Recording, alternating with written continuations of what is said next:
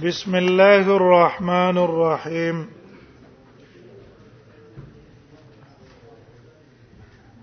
باب في ترك الوضوء مما غيرت النار پروندا مسله من بیان کړه اوس دلایل د هغه علماو چې هغه وی اول کې دا حکم د وجوب بیا رسته منسوخ شوه امام ترمذی د سنیع نه معلومیږي چې دام قائل له پشانت د جمهورو لیکن د امام ابو داوود طریقه دا ده چې هغه احادیث د نهي اول کې راوړي دا احادیث د جواز اول راوړي او احادیث د نهي رست راوړي ځکه دا هغه مذهب څه ده چې دا حکم منسوخ نه ده بلکې وسم او دس واجب ده د استعمال هغه شینه چې په ور باندې پوښ شي وبي قالت سنا ابن ابي عمر قالت سنا سفيان بن عوينا قالت سنا عبد الله بن محمد بن عقيل سمع جابرا قال سفيان وحدثنا محمد بن المنكدر عن جابر من سفيان ابن عوينا حاصل دا شويه سند ته سفیان ابن عوینا دا حدیث د جابر نه په واسطه د عبد الله ابن محمد ابن عقیل نقل کړه دقه سه سفیان ابن عیینه وای چې دا حدیث مونږ ته محمد ابن المنکدر هم نقل کړی د جابر نه د سفیان دوست ازان شو یو د عبد الله ابن محمد ابن عقیل او دویم محمد ابن المنکدر او دا دواړه شاګردان دي د جابر قال خرج رسول الله صلى الله عليه وسلم وانا معكم وقوت النبي صلى الله عليه وسلم وانا معه وزاد ذسرهما فدخل على امراه من الانصار نبی صلی الله علیه وسلم راغه په یو خزه د انصارو فضبحت له شات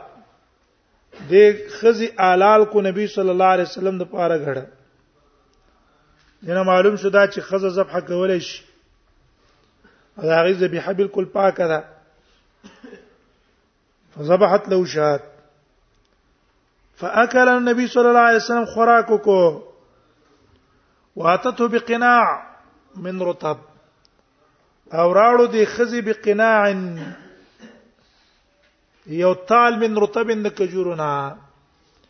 یک کجوري وي یو تال په کې تازه کجوري پرته وي فاکل منو نبی صلی الله علیه وسلم نبی خوراک مو کو ثم توضا للظهر به نبی صلی الله علیه وسلم او د سکو د پاره د ماس پخیم وصلى او مونږ یو کړو ثم انصرف به نبی صلی الله علیه وسلم را واپس شو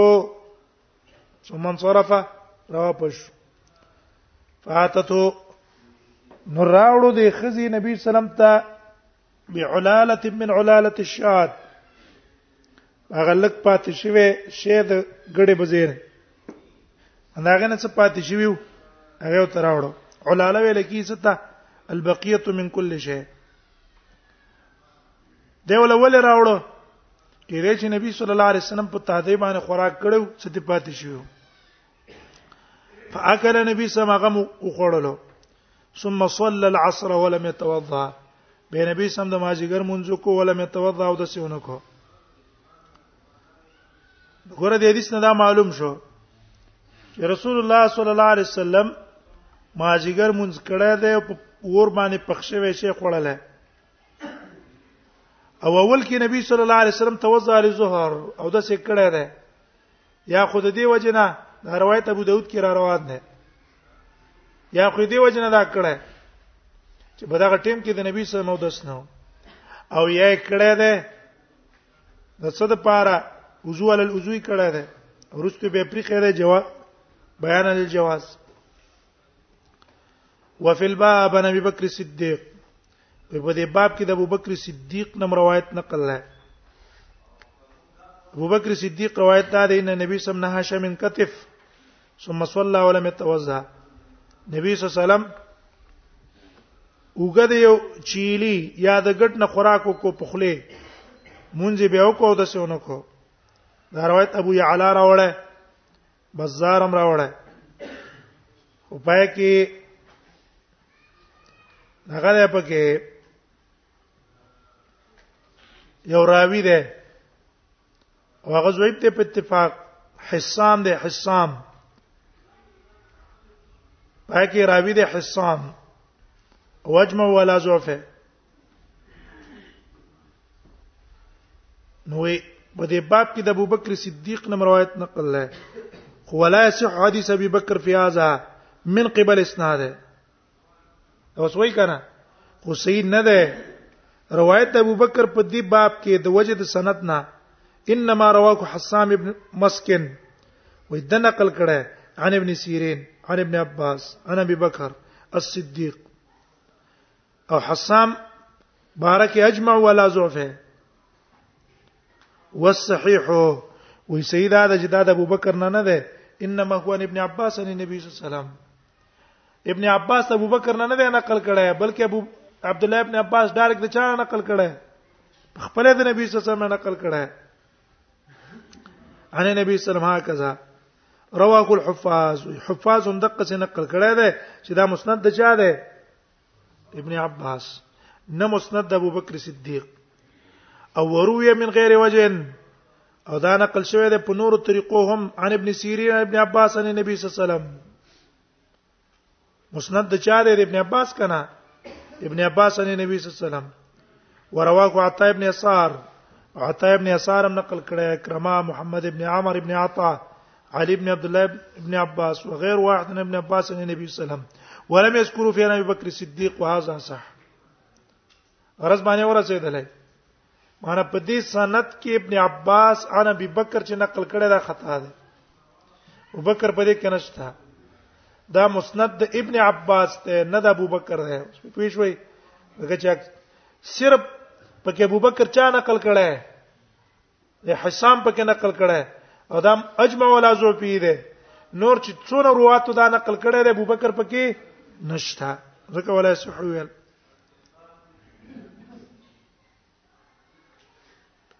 بیا وی وفي الباب عن ابي هريره په دې باب کې د ابو هريره هم روایت نقل ده د ابو هريره روایت بازار راوړه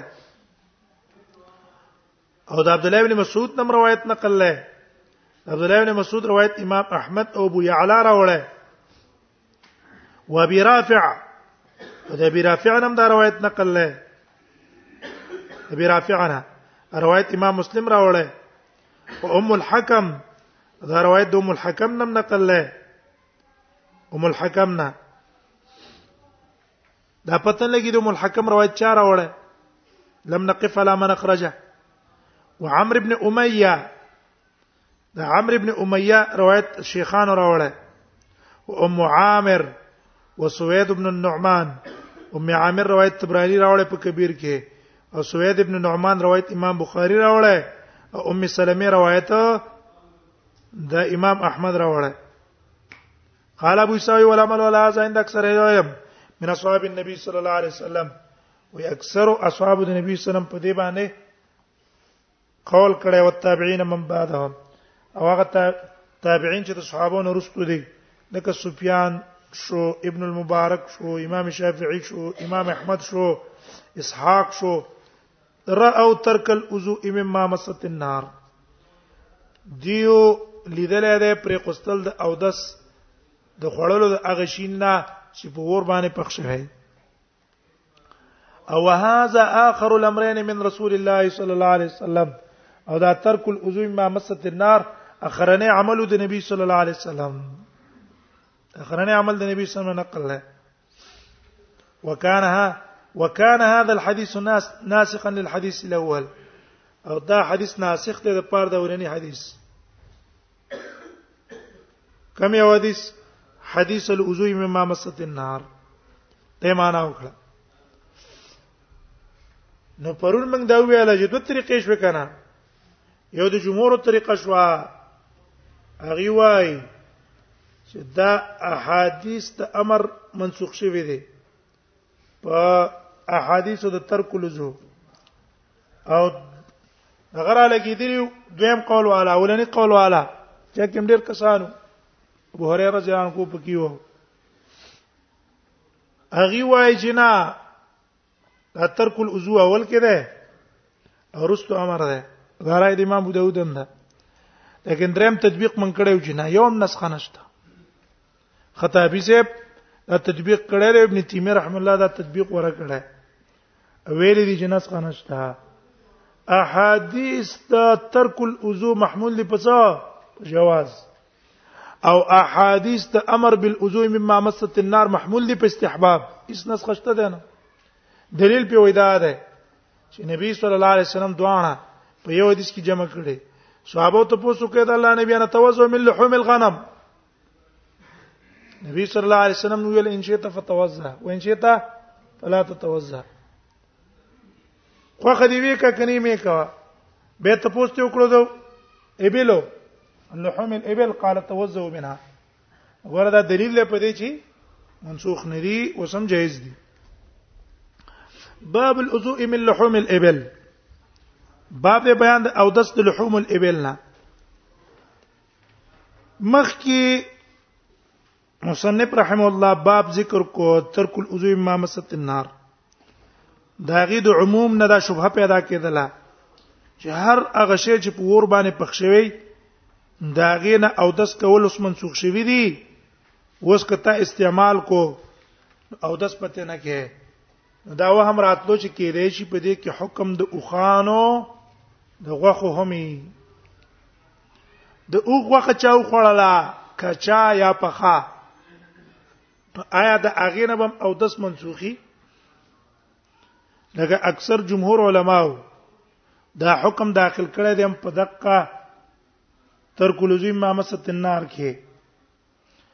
نو امام ترمذی راولګی دو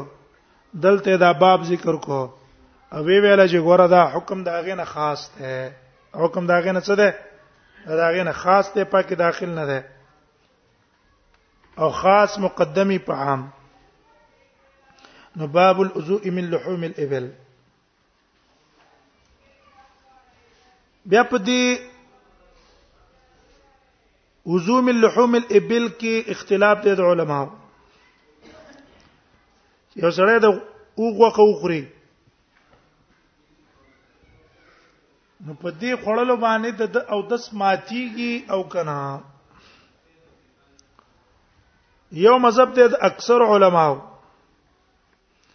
امام نووي دا نسبت کړي ائمه دا خلفای اربعه ته چې دا د خلفای اربعه مذهب هم نه ابو بکر عمر عثمان علي دارنګ نسبت عبد الله ابن مسعود ته ابي ابن كعب ته عبد الله ابن عباس ابو الدرداء ابو طلحه همدارنګي دا قول له د جمهور التابعین امام مالک امام بونیفه امام شافعی اغي وای چې عضو مما مست النار چې کله منسوخ شو په هغه کې اوخان او غخي حکم هم داخل دی چې سړی اوغه خو خوري په دې باندې او دس نه ماتيږي او کوم روایتونه کې چې امر دی نو امر استحبابي دی او غټ دلیل دی نیولای دی په قول د عبد الله ابن عباس چې عبد الله ابن عباس وا یلزو مما یخرج لا مما يدخل الوزو مما يخرج لا مما يدخل او د سی په سړی لازمیږي دا د خروج د نجاست د وجه نه لازمیږي چې ستانه څه اوزي او په خړلو باندې د سن ماتيږي چې ستا خېټه ته یو شی ورغه په دخول د یو شی خېټه ته د سن لازمیږي په خروج باندې لازمیږي او کوم احادیثو کې چې امر راغلی دی بالعزوم الاكل لحوم الابل دا په هغه ټیم کیو چې کله شریعت امر کړو په سمانه بالعزوم من اكل ما مسته النار کوم شی چې په قربانې پوښي او هغه ته اوخره نو په اق په وجه باندې دا باندې څه لازم ده او داس لازم چې هغه حکم منسوخ شو نو اکل لحوم الابل حکم هم څه شلو دا هغه نم او داس منسوخ شو حدیث د جابر ده کان اخر الامرين ترک الوضوء اما مست النار دوی مذهب ده دوی مذهب هغه دا دی چې نه یو سړی چې د اوخوخه اوخري د اوخوخه په خړلو باندې او د سماتیږي دا مذهب ته د امام احمد ابن حنبل دا مذهب ته د اسحاق ابن راهوی دا مذهب ته د یحیی ابن یحیی او دا مذهب ته د ابوبکر ابن المنذر د ابن خزیمه او امام بیقی په شوافیو کې غوړه کړه او د دې ټول اهل حدیثونو قول نقل کړي چې ټول محدثین د دې قائل دي او د صحابو نه هم څه کسانو نقل کړي چې په دې او د سماجیږي او امام نووي وايي امام نووي چې وی هاذا المذهب اقوا دلیلا هاذا المذهب اقوا دلیلا وان كان الجمهور على خلافه واذا مذهب په اعتبار د دلیل قوی دی اگر کو جمهور خلاف قول کړه دوی څه دلیل قوی دی او د میری صاحب قول نقل کړه چې د میری صاحب وای انه المختار المنصور من جهه الدليل انه المختار المنصور من جهه الدليل دا قول غره ده او منصور ده په اعتبار د دلیل سره المنصور من جهه الدليل او دیو استدلال نیولې په دوه دي شنو یو په حدیث د جابر جابر ابن عبد الله روایت ته امام ابو داود راوړی او امام ترمذی ته اشاره کوي په باب ان جابر ابن سمره دویم استدلال نه ولې پر روایت د بر ابن عازب امام ترمذی راوړی سئل رسول الله صلی الله علیه وسلم عن الأذو من لحوم الإبل فقال توضأوا منها وسئل عن الأذو من لحوم الغنم فقال لا تتوضأوا منها ګوره نبی صلی الله علیه وسلم امر کړی دی او دس کولو د خړلو د غوخو د اوخانو نه په دې دوه روایتونو کې دوه روایتونو کې او په اوخا د ګړو بوزو د غواګانو اوخو غوخو خړلو باندې نبی صلی الله علیه وسلم اجازه ورکړې او دس کې وې کا کني کې مې کوا دا دلیل دی دا حدیث دلیل دی د فرق په مابین د چا کې د عامو غوخو کې مما مست النار او اوخ د غوخه کې هونه کې فرق شو او دی وی ګوره دا خاص ته او هغه حدیث ته یم مست النار عام دی او قاعده دا ده چې خاص مقدمي پچا په عام جمهور را لګیدلې دي د دې حدیث نه جوابونه کړی دي خو ټول جوابونه کمزوري دي اول جواب یې د نسخ کړه چې ټیک ته دا حکم پاول کې خرستو منسوخ شو د وجه د حدیث د جابر نه کان اخر الامرین ترک لزوی ما مست النار کان اخر الامرین من رسول الله صلی الله علیه وسلم ترک لزوی ما مست النار دا حدیث د جابر ناسخ وګرځیو دی د پاره لیکن دا جواب کمزور دی جواب څه ده کمزور ده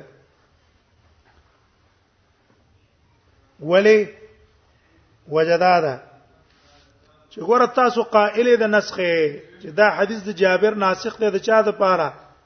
د حدیث د جابر کم چې وخان وخت کې امر پر راغلی دی وې دا غیر پر ناسخ ګرځیدل منګوې دا قول سینه ده وجه دا ده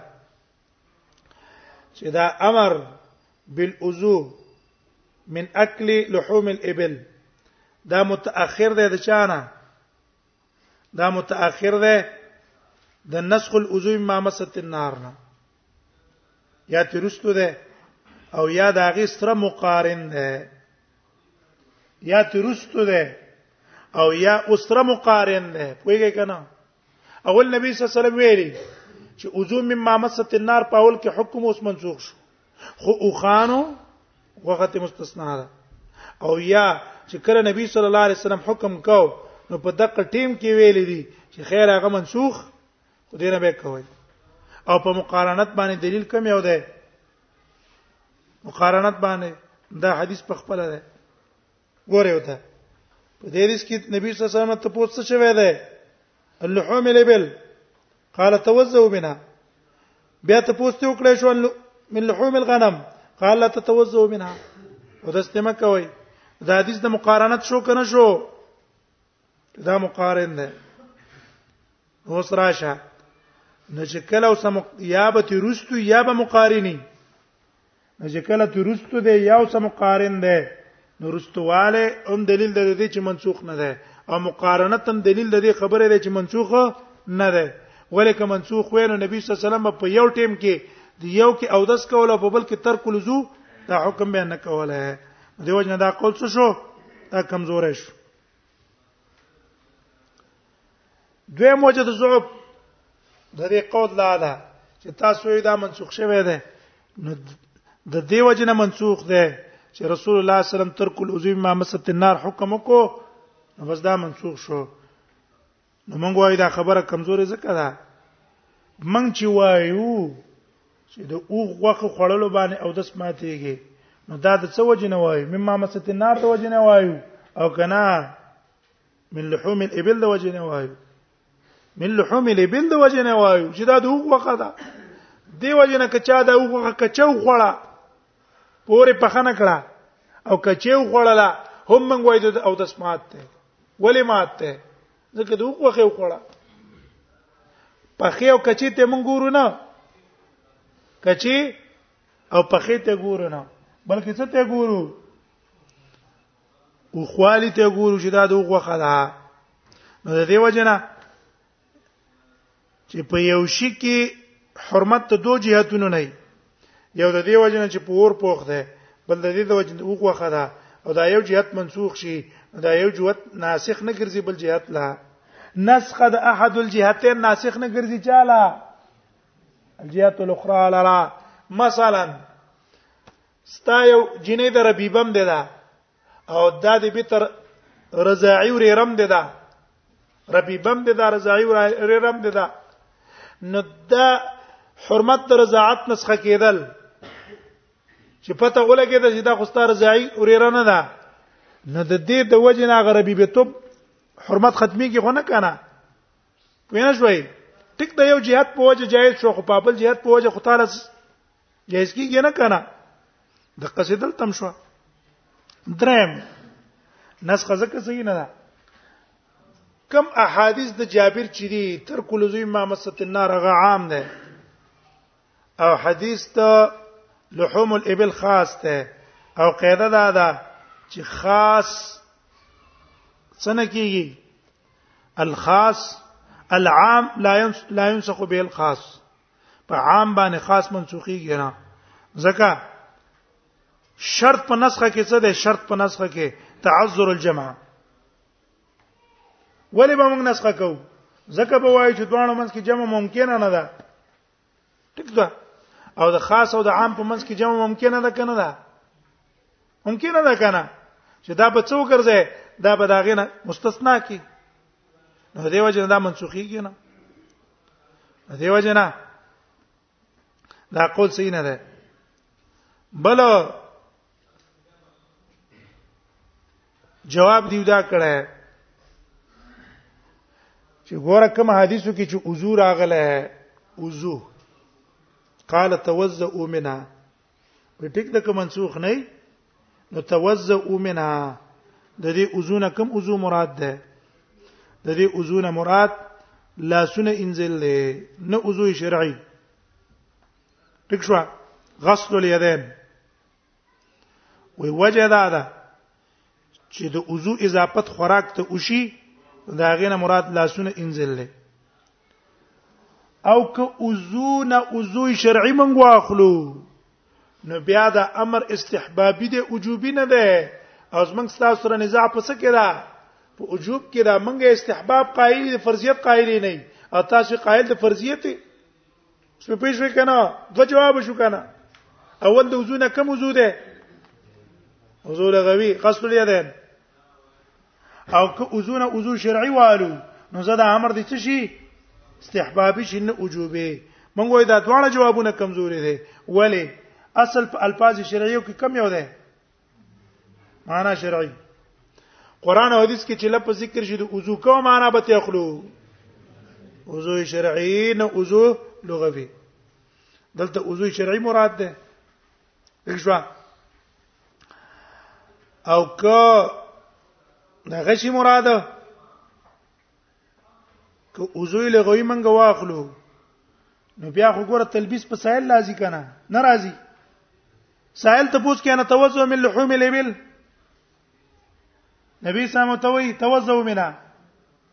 او نتوزو من لحوم الغنم قال لا تتوزو بنا هغه ته پوس کې د وضو شرعي او نبی سم دی جواب ورکړي په کوم وضو د تلبیس په سائل لیکنه ته پوس د وضو شرعي کې نبی سم دی جواب په وضو لغوي ورکړي دا تلبیس په سائل لیکنه ده دیوژن پاغه باندې حمل کول ټیک نه دی بل چې عضونه مراد عضوی لغوي واخلې نو دا عضوی لغوي خو په چا کې شته لحوم الغنم کې دي کنه که تاسو د حق په خوخ کې د سومت ته مونږ د ګټ په خوخ کې دونه د سومت ته چې په څه کې نشته بوخ کې نشته بوخ کې دونه د سومت نشته لکه په چا کې ده ګټ په خوخ کې ده ګټ خوخه چې خړه لګانا مس بي به د لاس نه یو وخت پوري خيږي سړی په وخت په شوق خوري خورست به دی بوینه سي تنګي چې دا څونه تیز بوی دی نو به بدن کېږي او کار وخت د ګډ ګډ غوخه خړلې کنه د باج خلکو عادت ته چې مړ یو شي کنه نو په هغه ورځ کې هر وخت ډوړی ګډانو ته لالېږي او خلک یې خوري نو بیا هغه صحیح نه درې ورځې کې چې په سمیلاویږي کنه ګډ بوی داغه نه کېږي د زمات خو پای کې ډېر دی که دا دا سبب دی دیو جن دا ټیک نه دا پاتې شتوې استحبابي په څه باندې استحباب باندې حمل کول دام کمزور دی ولی رسول الله صلی الله علیه وسلم نه ته پوسو شو چې او د سوق من لحوم الابل قال توزو بنا او بیا د غنمو کې وای لا تتوزو بنا حال دا دی چې وسم تاسو قائل په یو حدیث کې څنګه یو ته مستحب یو بل ته څه وای عدم استحباب وای دیو جن دا جوابم صحیح نه ده یره کینه په یو کې مست... محمول په چا باندې کو په استحباب باندې کو په بل باندې او په بل کې دی بالکل استحباب نم نفي کو اکه دې نشي دیو نه راجح قول کم شلو راجح قول هم دقه ده چې او دس د اوغه چې چا او خړله په هغه باندې او دس لازم ده چې ودی خړله او دس پکې د تپته ولګیدله او په چا دې اوغه خړله او متویبه چرګه دوغه خمه در باندې خړله